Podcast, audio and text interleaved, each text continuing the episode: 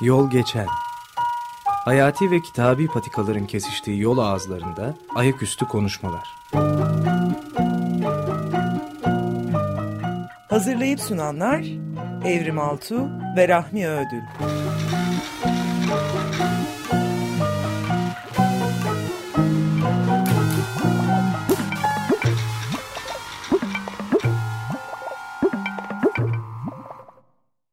Herkese merhaba. Açık Radyo'dayız. Ee, yol geçen başladı. Evrim Altuğ ve ben Rahmi Ödül. Bu hafta hepimizin e, sorunu olan yani kendilik ya da benlik denilen, İngilizcesiyle self olarak tabir edilen o kırılgan imgeden e, söz etmek e, istiyoruz. Onun üzerine konuşmak istiyoruz. Bildiğiniz gibi İmgeler bize dışarıdan geliyor. Yani bize dış dünyadan yansıyan kendimize dair imgelerle kendimizi kuruyoruz. Ee, bakış önemli tabii. Kendi bakışımız bedenimize, e, aynada ya da bir başkasının yansıttığı aynada kendimizi e, görüp kendimizi inşa edebilme meselesi işin içine giriyor. Aynı şekilde de başkalarının bakışları da yine bizim benliğimizin ya da kendiliğimizin inşasında önemli e, olduğunu hepimiz biliyoruz. Görülmek istiyoruz. Görüldüğümüz ölçüde de e, tehdit altında olduğumuzu bir taraftan hissediyoruz. Dolayısıyla çok kırılgan bir e, yapı benlik denilen o kim olduğumuzu tanımlarken başvurduğumuz benlik denilen yapı. E, kırılgan bir imgesel varoluşumuz var diyebiliriz. Bakışlar önemli gerçekten. Bakışlarla kuruluyor. Ve aynı şekilde de benlik bakışlarla çok kolay bir şekilde de kırılıyor. Bir tür bu e, imgesel varoluşumuz bir dengede e, durmak zorunda kalan ama her an dengesi bozulup boşluğa düşebilecek bir varoluş olarak aslında bize e, veriliyor. E, ve e, durmadan kendimizle uğraşıyoruz değil mi Evrim? Yani e, özellikle kendimizi biçimlendiriyoruz. İmgemizi yeniden yeniden inşa etmek için e, çaba gösteriyoruz. Ama bu imgeyi üretirken de e, aynı şekilde başkalarının e, bakışlarına da maruz kalacağımızı çok iyi biliyoruz. Daha doğrusu biz kendi imgemizi galiba başkaları için üretiyoruz. Başkalarının bakışları için üretiyoruz. Çünkü böyle bir imgesel dünyada o ürettiğimiz imgenin e, onaylanmaya ihtiyacı var. Onaylandığımız ölçüde biz var olduğumuzu e, düşünüyoruz ya da var olduğumuza ikna ol, oluyoruz. Yani Kafka'nın Kafka'nın e, dilencisini anmak gerekiyor burada sanırım. Kafka'nın dilenciyle konuşmalı e, öyküsünde dilenci şöyle diyor e, şu itirafı yapıyor. E, sana hayatımın amacının insanların bana bakmasını sağlamak olduğunu söylersem kızma diyor. E, dolayısıyla bir anlamda da hayatımızın amacı evet bize bakılması ama öbür taraftan bakışlar nesneleştirici olduğu ölçüde de çok tehditkar. Yani bir tehdit, bakışların tehdidi altında yaşıyoruz ve kimi zaman da bu tehdidi e, katlanılmaz bulduğumuzda da o benlik denilen yapının e, kırıldığını e, ve yara aldığını e, hissediyoruz. Ve e, çok e, garip bir varoluş bu tabii. Görmek ve görülmek arasındaki o gerili olan ipte bir tür cambazlık yapmak zorundayız. Her an bu imgesel varoluşumuzu e, dengede tutabilmek ve e, normal hayatın akışını sürdürebilmek için çaba göstermemiz gerekiyor. Evet, çok uğraşıyoruz evrim kendimizle. Zor bir iş gerçekten imgesel olarak var olabilmenin e, zorluğu aynı zamanda da kırılganlığından söz e, ederek başlayalım programa dedim. Evet, e, merhaba tekrar sana. Evet, merhaba e, Açık Radyo ve Rahmi. E, dün Açık Radyo'ya yolum düştü. E, radyonun önünde büyük, devasa bir kablo makarası vardı. Şeffaf ve telden tabii ki de sicimden yapılma şeffaf bir makaraydı. E, tabii hayatımız ironi üstüne kurulu olduğu için e, kendimi sormadan e, edemedim. E, hakikaten hayat bizimle makara mı geçiyor diye açık radyonun önünde böyle bir sanat eseri gibi yerleştirme gibi devasa bir sicim, bir makaraydı bu. Ve açık radyonun geçen çeyrek asrını düşünüyorum. Yani bunu telaffuz etmek bile bana çok absürt geliyor. Çünkü bu 20 yılın tamamına yakınına tanığım. E, sevgili dostlarımızla, kurucumuz Ömer e, abiyle e, ve sevgili e, merhum öteki çok sayıda abiyle mesela Jazz programını hatırlarız değil mi? E, kendisinin ya da işte e, Gitaresk programını hatırlarız sevgili Jack Cohen'in. E, çok sayıda sevgili dostumuz geldi geçti Açık Radyo'dan. Açık Radyo çok e, akustik bir tarih yazıyor. Fakat dediğin gibi o tarihte havaya e, ya da e, rastlantılara bırakılmış, denize bırakılmış şişeler misali akustik bir tarih, ödünsüz bir tarih ve m, bir tür e, tarihsiz bir e, ajanda gibi. E, her tarihi o ajandanın sayfasını ziyaret edenler yazıyor. O açıdan dediğine gelecek olursak kendini gerçekleştirme projesi bir tür açık radyo. Ben böyle bir analojiyle başlamak isterim. Kişinin kendini gerçekleştirmesi de malum günümüz koşullarında ya bir sponsorla oluyor. Yine metafor kullanıyorum burada. Ya bir buyrukla oluyor. Ee, bunun adına vatan diyebiliriz. Bunun adına tanrı diyebiliriz. Bunun adına kişisel e, ideoloji de diyebiliriz e, dolayısıyla yine aklım biraz klasik kaçacak belki ya da salt modern kaçacak ama tabii ki varoluşçuluğa kayıyor. E, burada e, tabii ki Jean-Paul Sartre almadan geçemeyeceğim. E, şöyle diyor Varlık ve Hiçlik kitabında e, sevgili Turhan Ilgaz ve Gaye Çankaya Eksen'in çevirisiyle İtaki yayınlarından çıkan ikinci basımında 93. sayfada şöyle diyor. Kendimi bir mümkün olanın benim için mümkün olan olarak anlaşılması şeklinde oluşturduğumda o mümkün olanın benim projemin ufkunda var olduğunu da kabul etmem ve onu bizzat ben olarak orada yani benden bir hiçlikle ayrılmış bir halde beni gelecekte bekleyen olarak kavramam gerekir. Demek ki suya yazı yazıyoruz. Demek ki aslında o suya yazı yazma hali de bizi tatmin ediyor. Onun bitimsizliği, onun sürekli proje hali e, bizi e, kaşıyor, bizi sürekli evriltiyor belki de ya da devriltiyor malum. O hatırlarsın Mısır'daki antik böceğin hani sürekli yukarı çıkıp aşağı devrilme, yuvarlanma hikayesinde olduğu gibi. Böyle. Böceği diyebiliriz. Evet doğrudur. Evet aynı zamanda Sisyphus e, efsanesi. Yani Sisyphus'la e, evet dışkı böceği arasında da e, böyle bir benzerlik e, kurmak gerekiyor.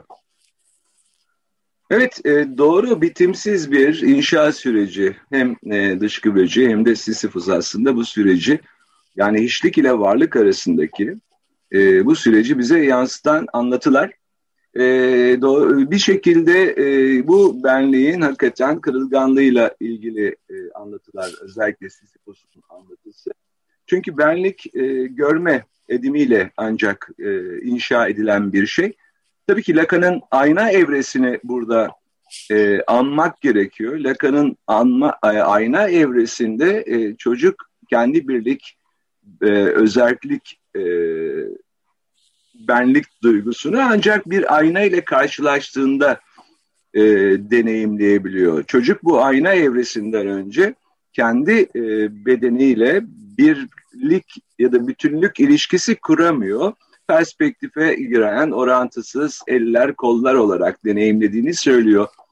Çocuğun kendi bedenine e, Lacan ancak bir ayna evresinde kendi imgesini, yansıyan imgesini bir bütün ve diğerlerinden farklı olarak deneyimlediğinde benlik duygusu gelişmeye başlıyor. Tabii ki bu ayna ille de ayna olması gerekmiyor. Yani bir kişi arkadaşları olabilir, bir yetişkin ebeveyn olabilir. Ondan yansıyan kendisine dair bir imge üzerinden zaten kendi benliğini kuruyor. Ve yine Lacan... Bu, bir, bu, bu, evet dediğin gibi sözünü kesiyorum özür dilerim birbirimize ayna oluyoruz ama e, hatırlarsan e, ayna deyince bir rol model de e, öne gelebilir, bir lider de öne gelebilir ya da hayatımızı adadığımız biricik bir varlık da e, öne gelebilir. Burada e, düpedüz aslına bakarsak kendimizi gerçekleştirme uğruna bir adanmışlık var, bir e, kaba tabirle kay, kayırı duyurumu, e, durumu var. Kendimizi e, bir şekilde kayırılmış hissediyoruz. Seçkin e, ve değil mi e, öncelikli, e, vasıflı hissediyoruz. Ötekini e, eşyalaştırarak, karşımızdakini e, nesneleştirerek belli bir amaca hizmet eder hale getiriyoruz. Gerek kendi imgemiz üstünden oluyor bu, gerek bir önder üstünden oluyor, gerekse bir işte biliyorsun vakıf, amaç e, üstünden.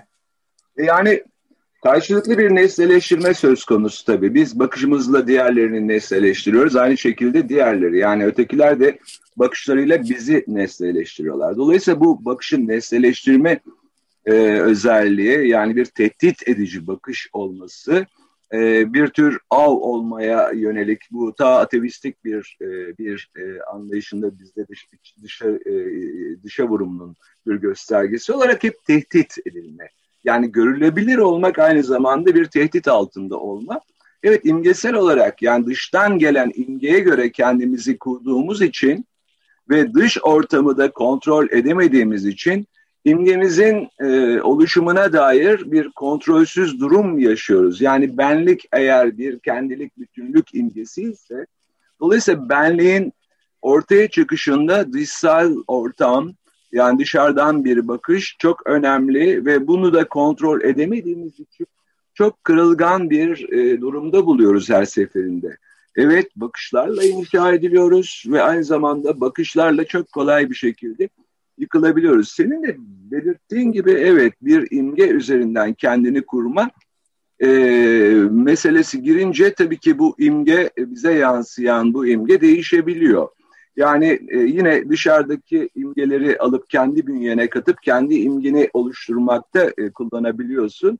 Dolayısıyla aslında burada altını çizilme, çizilmesi gereken yer yani öznenin dayandığı bu benlik duygusunun, bu kırılganlığı yani kendini dayatmanın ne kadar e, anlamsız bir e, şey olduğunu bize gösteriyor. Yani kendini dayatan e, her varlık sanki mono e, monolitik bir yapı gibi kendini dayatan bir her varlığın aslında çok kırılgan bir benliği var. Çünkü o benim bakışlarımla ona ben böyle bir anlam yüklemiş oluyorum. O benim bakışlarım ötekilerin bakışlarıyla kendini böyle inşa ediyor. Eğer bakışlarımızı ne bileyim bir silaha da döndürme e, meselesi var burada. Eğer silah e, bakışlarımla aslında ben onun çok da böyle sağlam gibi görünen o benliğini kırıp e, onu e, çökertebilirim. O yüzden bizim belki de e, yere bakmamız isteniyor. Yani bakışın hakikaten çok kudretli bir şey olduğunu bakışlarla inşa edildiğimizi düşündüğümüzde bakış e, hakikaten tehlikeli ve bizim hani anlam yüklediğimiz ve onu çok değerli bir varlık olarak kaydın üzerine kurup yücele, yüceleştirdiğimiz varlıklara biz bakamıyoruz mesela genellikle. Yani e, huzurunda başımızı öne eğmemiz gerekiyor. Demek ki doğrudan baktığımızda e, bunun benliğe yara alacak ve e, ve dengesi bozulup e, çökecektir. Tabii ki İngiliz atasözü geliyor benim aklıma. Kediler krallara bakabilir sözü. Kedilerin krallara bakabildiği e, ama insanların krallara bakmayıp önlerine baktığı bir dünyada yaşıyoruz. Kedilerden daha önce de bahsetmiştim sanırım. O yüzden kedilerden öğreneceğimiz çok şey var. Bu sözü senden böyle bir saz, saz misali e, devralacak olursak o zaman kişinin e, kulluk seviyesini de Tanrı'ya duyduğu özlemle ya da efendiye, öndere duyduğu özlemle e, belki aynalamış oluruz. Bir kişi kendini dediğimiz gibi ötekine ne kadar adıyorsa aslında tam da farkında olsun ya da olmasın o olmaya çalışıyordur değil mi? Aslında onu içten içe yok etmeye çalışıyordu. Keza Freud değil mi? Bunun için çok uğraşıyor. Anne, baba, işte ödipel değil mi? E, kompleksler filan yani o aile içindeki pozisyonların sürekli açlığı, tamahkarlığı, kıskançlığı, kaprisi e, bayağı kişi, kişiselleştiriyor da bu e, iktidar mücadelesini diyebiliriz kişinin kendini gerçekleştirmesi ben, ben Evrim, şurada ben hemen e, araya girmek istedim.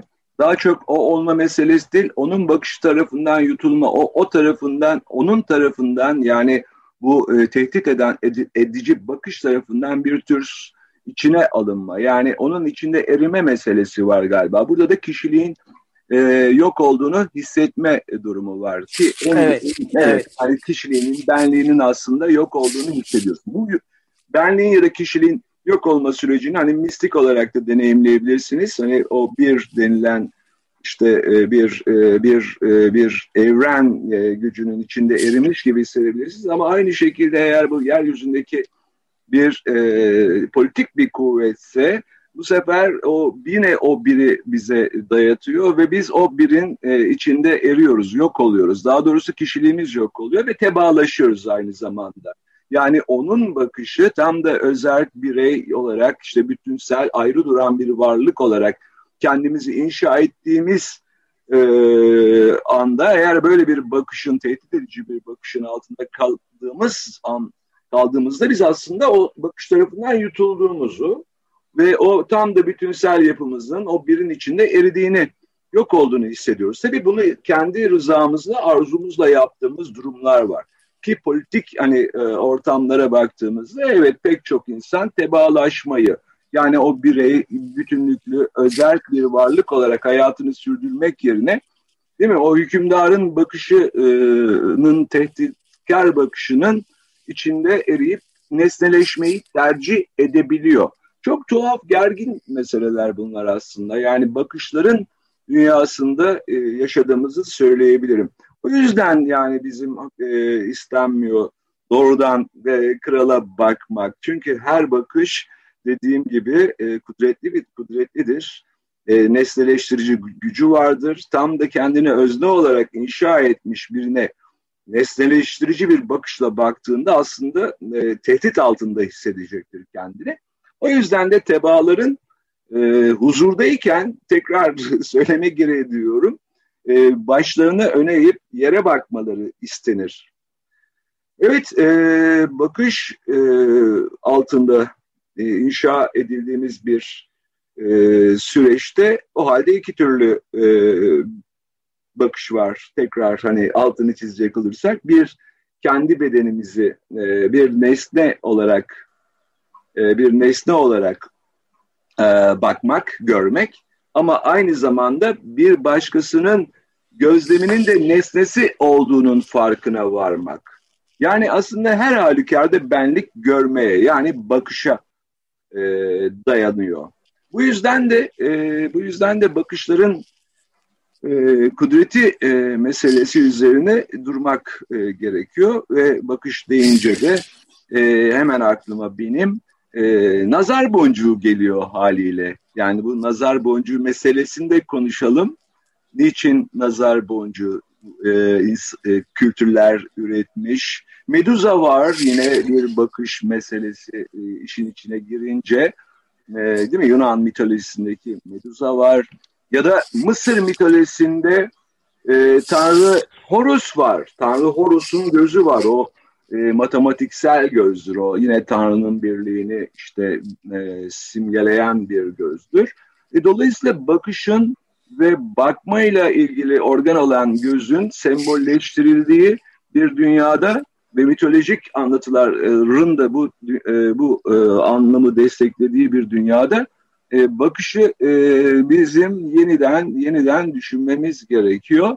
Çünkü e, bakmak görmekle ilişkili e, ve görmenin de e, görmenin de ne kadar yaratıcı olduğunu yani göz ve görmenin de ne kadar yaratıcı olduğunu daha doğrusu bizi eyleme geçirdiğinde e, bir kez daha hani belirtmek gerekiyor. Acaba diyorum senin e, sana e, bir bir arama verelim yani yoksa böyle e, hemen söylemek istediğin aklından geçen var mı yoksa bir ara mı verelim? Kısacık bir alıntı daha sözlerinin virgülü olsun müzikten önce. Ee, yine e, Varlık ve Hiçlik'ten 360. 363. sayfasında da şu kısa tümceyi e, ortaya koyuyor. Sartre tam da dediklerine çarpan bir cümle bence. O halde nedir başkası diye soruyor ve şöyle bir yanıt veriyor kendi kendine. Bir önerme diyebiliriz. Şunu söylüyor. Her şeyden önce dikkatimi yöneltmediğim varlıktır. Evet. Dikkatimi yöneltmediğim bir varlık. Bunun e, üzerinde de düşünelim müzik arasında. Sonra geri döndüğümüzde göz, bakış, nazar ve kendilik meselesi üzerinde konuşmayı sürdürelim. Evet, bir ara verelim müzik arası. Ee, 80'lerden Evrim bir parça e, e, ayarladım.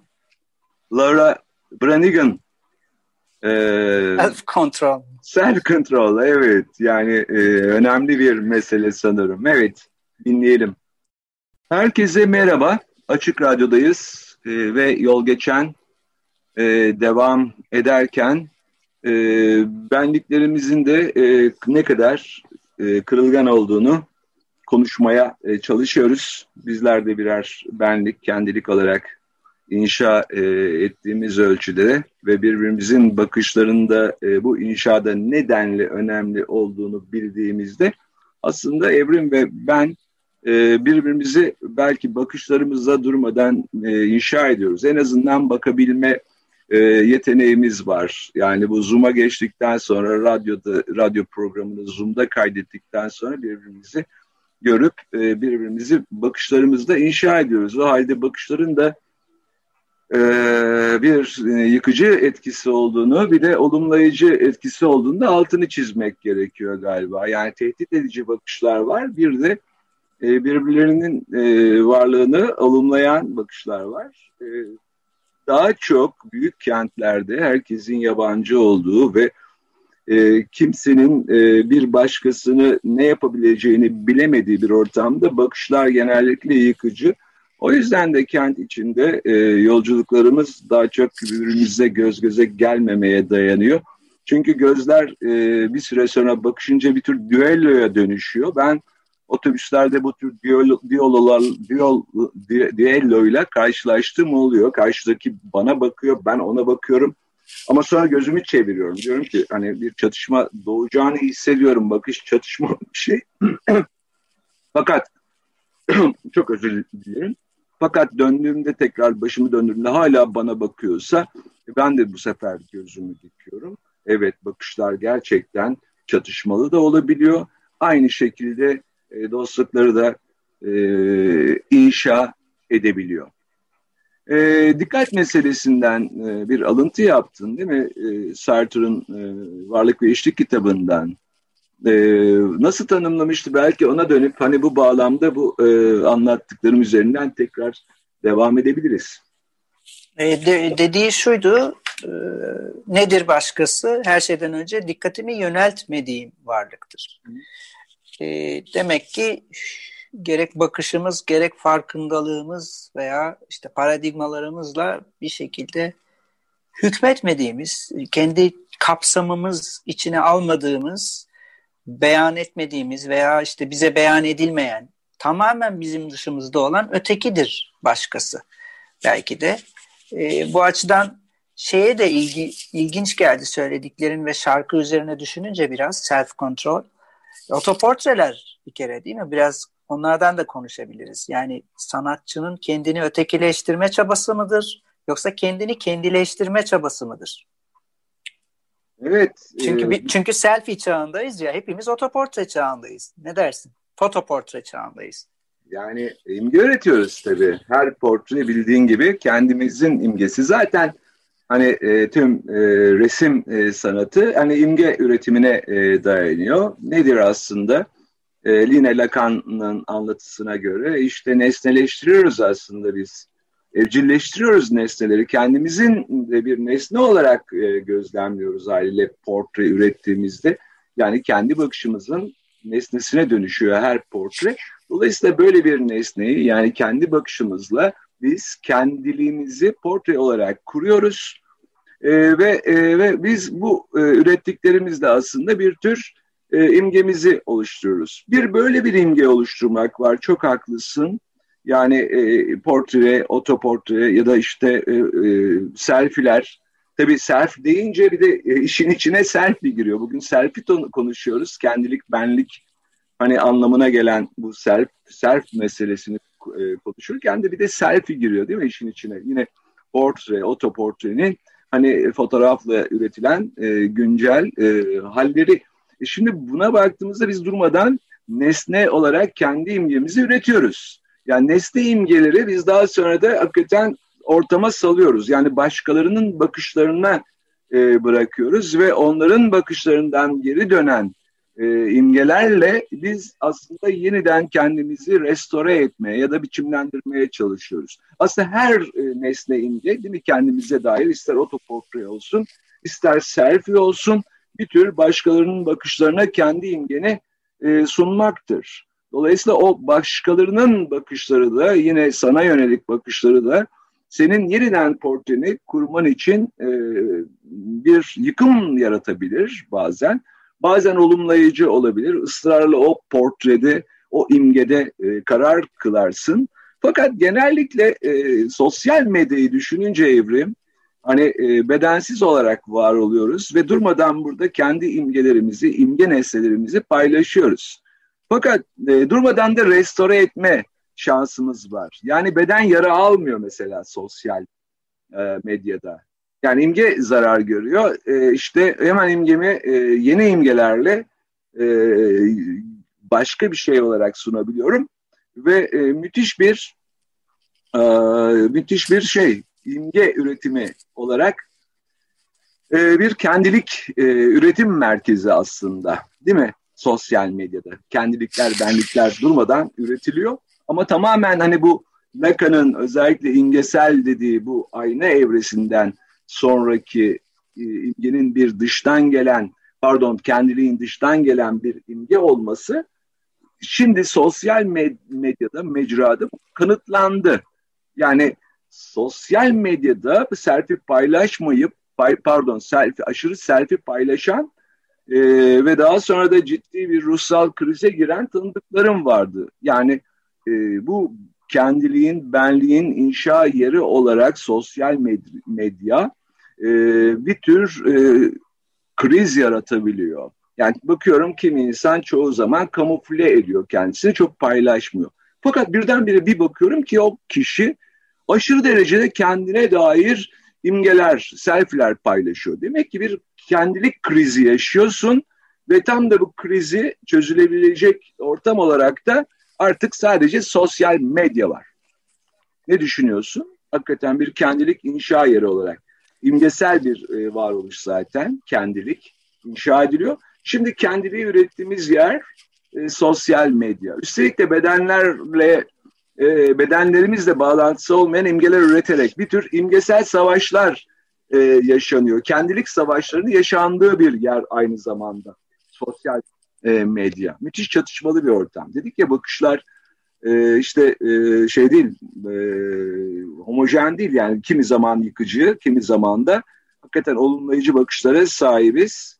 Demek ki e, yine Sartre'ın yaptığını alıntısına bir gönderme yapacak olursak yani e, dikkat etmemek, dikkatimi yönelttiğim an nesneleştiriyorum bir başkasını ve e, bir tehdit e, oluyorum. Otobüste yaşadığım durum buydu aslında. Yani bakış dikkatimi, bakışımı yönelttiğim kişi nesne olarak hissettiği, hissediyor. Ben de benzer bir nesneleştirme sürecine giriyorum. O yüzden de bu nesneleşmemek üzere bir çatışma yaşanıyor galiba iki bakış arasında. Fakat e, imgelerimizin üretilip e, hani paylaşıldığı sosyal medyada da yine benzer e, benzer e, bakışmalar var ama e, artık e, bakışlar doğrudan imgelere bakıyor. Gündelik hayatta bedensel bakışmalar var, bedenli varlıklar olarak. Fakat sosyal medyada artık ben imgemi üretip atıyorum oraya. E, dolayısıyla im, e, bakışları ben imgeme yöneltiyorum. Herkes birbirinin imgesine bakıyor. Ama imgenin de bedenle de bağlantısı yok sosyal medyada. Çünkü bedenim e, bedenim dışarıda bir yerde duruyor. Aslında güzel bir çözüm geliyor bana. Yani gündelik hayatın o e, çatışmalı bakış, bakışların çatışmalı ortamından bedensiz bir ortama geçtiğimizde artık bakışlar ürettiğim imgeler üzerinden e, ya tehdit edici oluyor ya olumlayıcı oluyor. Dolayısıyla bedenim ve ruhum yara almamış oluyor dışarıda durduğum ölçüde. Evet e, Evrim. Söylediklerinin üzerine yine e, bir takım e, detayları not ettim. E, birincisi e, bizim neredeyse mirasımız, kültürel mirasımız halini almış olan e, şu tümce bilirsin ya olduğun gibi görün ya da göründüğün gibi ol. E, bugün neredeyse bu imkansız. E, çünkü saniye başı dediğin gibi milisaniye başı kendi suretimizi asla aslımızı da surete dönüştürmenin ne derler çaresizliği içinde bir şeylerin hakikati peşinde koşturuyoruz. E, buradan yine bir e, gönderme daha yapacak olursak adeta hepimiz sıra selfilerde oturuyoruz. O semtten dışarı çık o semtten dışarı çıkam dışarı çıkamıyoruz. Bir başka gönderme daha yapacak olursak e, bugün kargocu gibiyim ama kusura bakma. E, Pamuk Prenses ve Yedi Cüceler masalını anımsarsın. E, orada bir kötü kraliçe vardır. E, ve sürekli aynaya hesap sorar. Aslında kendine hesap sorar. Ayna ayna söyle bana bugün benden daha güzeli var mı diye. Ve aynada dürüst olmakla mükellef olduğu için e, araları hiç e, iyi değildir biliyorsun. E, dolayısıyla hep o aynayı kırar. Ayna da onu kırar. E, orada çok hoş bir metafor vardır değil mi? Birbirlerini kıra döke e, artık kübist bir ilişki içindediler. Öyle diyelim mi? Çok haklısın. Ama bir de bu aynayla e, bu gerilimli ilişkinin e, başka türlü de olabilir. Onu da Lewis Carroll herhalde e, yazmış. Aynanın içine Doğru. girebilmek. Tabii, o da içinde, tabii. Aynanın içinden e, başlıklı çok güzel bir anlatısı var.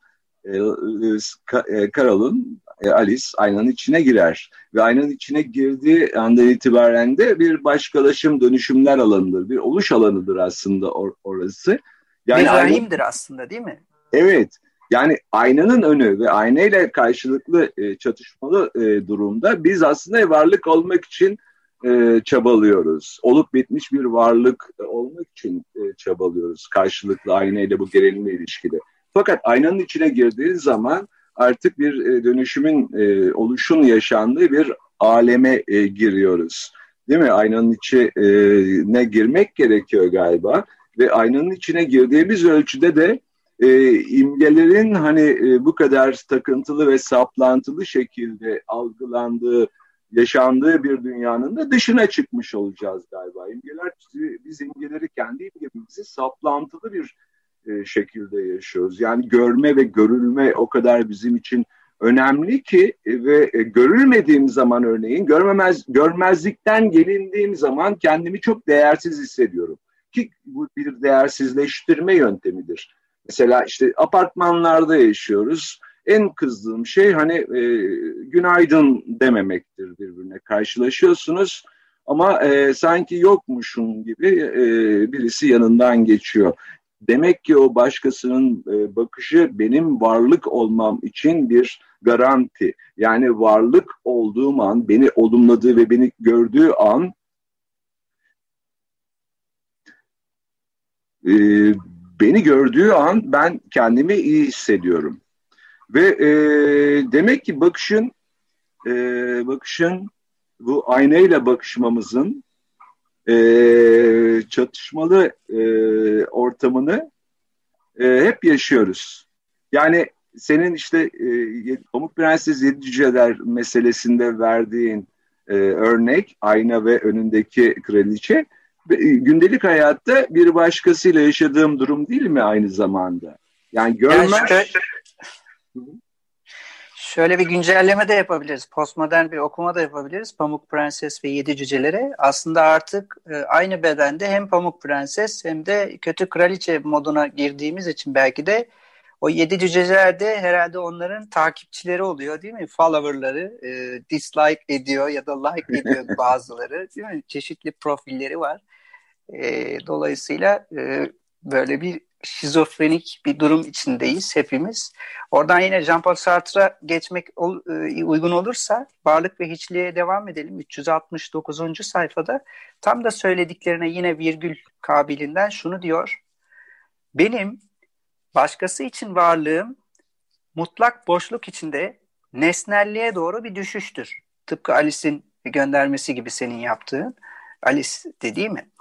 E, ve diyor bu bu düşüş bir yabancılaşma olduğu için kendimi benim kendim evet yani Sartre'ın bu düşüş diye telaffuz ettiği varlık ve hiçliğin 369. sayfasında telaffuz ettiği bir bu düşüş hali e, doğumdan ölüme kadar aslında sürüyor. Senin de Alice göndermesiyle vurguladığın gibi bitimsiz bir düşüş aslında e, biraz da Freudian bir düşüş. Yani o rahme, ana rahmine, doğum ve ölümün kuyusuna, çukuruna e, hatta kozmik bağlamda bir tür kendini gerçekleştirme hani kara deliğine bir tür yolculuk gibi algılanabilir. Keza zaten hani izafiyet teorisinde düşünecek olursak aslında zaten her şey göreceli. E, hiçbir şeyi diğeriyle mukayese etmek neredeyse mümkün değil. Her şeyin kendi biricikliği ve zaman, mekan, uzam, e, hakikat, soyutluğu var, kendiliği var. E, böyle diyebiliriz. Evet, e, düşüyoruz. E, tabii Yayından da düşüyoruz. Kimi zaman yayından da düşüp evet e, ara vermek zorunda kalıyoruz ama gerçekten de hayata atıldık. Bir tür düşüş tabii bu ana rahminden, o korunaklı güvenli ortamdan tam da tekinsiz bir ortama e, atıldık. Bir tür düşme yani yeryüzüne bir düşüş yaşadık aslında. Ana rahmini bir cennet olarak tahayyül edersek. E, cennetten düştük. Evet cennetten düştük yeryüzüne düştük. Dolayısıyla yeryüzü e, bedenli varlıkların yeri ve beden her an yaralanmaya e, açık. Dolayısıyla bir tür e, tehdit altında yaşamak zorunda. Bunu herkes hissediyor. Dolayısıyla yaralanabiliyoruz. Tam da burada e, Johnny Cash e, dinleyelim. Hurt. Herkese e, yeniden ve son kez merhaba. E, varlığın, oluşun, benliğin, kendiliğin, e, kendiliğin, işte self'in e, sorunlarını e, tartışıyoruz. E, evrimle birlikte evrimde en son Sartre'dan bir alıntı yapmıştı. Bir düşüş olarak aslında varlığın e, atılması, yeryüzüne atılmasını e, tanımlamıştı. Dolayısıyla bu düşme eyleminde hayatta kalabilmek için kendimizi e, düşmüyoruz e, hissi vermemiz gerekiyor galiba. Yani sürekli düşüşte hani o e, bir film vardı Lahey'ndi galiba Fransız e, filmiydi. Her e, evet. buraya kadar her şey yolunda diyordu değil mi? E, yüksekten başlangıç. Baş, evet. Düşene kadar her katta buraya kadar her şey yolunda diyordu ve e, sonunda da yere e, düşüyordu ve e, bu düşüşte e, filmin e, açılışında hakikaten büyük bir patlama ile verilmişti. Evet biz e, kendimize buraya kadar her şey yolunda desek de bu e, düşüşü e, sürdürüyoruz ve hayatta kalabilmek ve her şeyin yolunda olduğunu da kendimize ikna etmek için e, evet böyle bir benlik geliştirmek zorundayız zaten. Yani benliğin ne kadar kırılgan olduğunu e, hep e, tartışmaya e, çalıştık benlik bakışlarla inşa edildiği için o ölçüde de yine bakışlarla çok kolayca yıkılabiliyordu. E böyle bir e, ortamda, böyle bir tehditkar ortamda benliğin e, kendini e, düşmediğine ya da kendini güvenlikli bir ortamda hissedebilmesi için e, bir anlamda e, her şeyin yolunda olduğunu kendine söylemesi gerekiyor. Ama nazar ve bakış meselesini galiba artık programın sonuna da geldik. Bir kez daha toparlayacak olursak e, bakıştan çok korkuyoruz. Özellikle ötekinin bakışından çok korkuyoruz. E, ve bu e, ötekinin bakışını belki de tanrılaştırdık. E, Mısır'ın e, tanrısı Horus'un gözü var. O göz aslında nasıl tanımlanıyor? Gece gündüz 24 saat sizi gözetleyen bir gözdür bu e, içinizi, dışınızı, her yeri görebilen bir göz. Hatta niyetlerinizi bile okuyan bir göz ve böyle bir gözetim toplumunda yaşadığımıza göre artık görmeyi ve görülmeyi yeniden düşünmemiz gerektiğini e, öneriyorum. Ve e, programında e, dediğim gibi sonuna geldik. Evrime bırakıyorum sözü. Evrim de e, son sözleri söylesin. Ee, burada tabii yine gönderme yapalım. Ee, Stanley Kubrick'in Gözü Tamamen Kapalı filmi aklıma geldi. Ee, hepimiz kendimizi e, bir bakıma gözlerimizi kapattığımız andan itibaren kendimize açmış oluyoruz ve yine burada hani bir dil göndermesiyle düş diyoruz ya dediğin gibi La En filminin başlangıcında düş görmek yani bir şeyin içine düşmek, e, inmek manasına da geliyor. Bence en güzeli kendi içimizdeki o yolculuğa e, bir şekilde razı olup onu cesaretle kucaklayabilmekte e, diye düşünüyorum.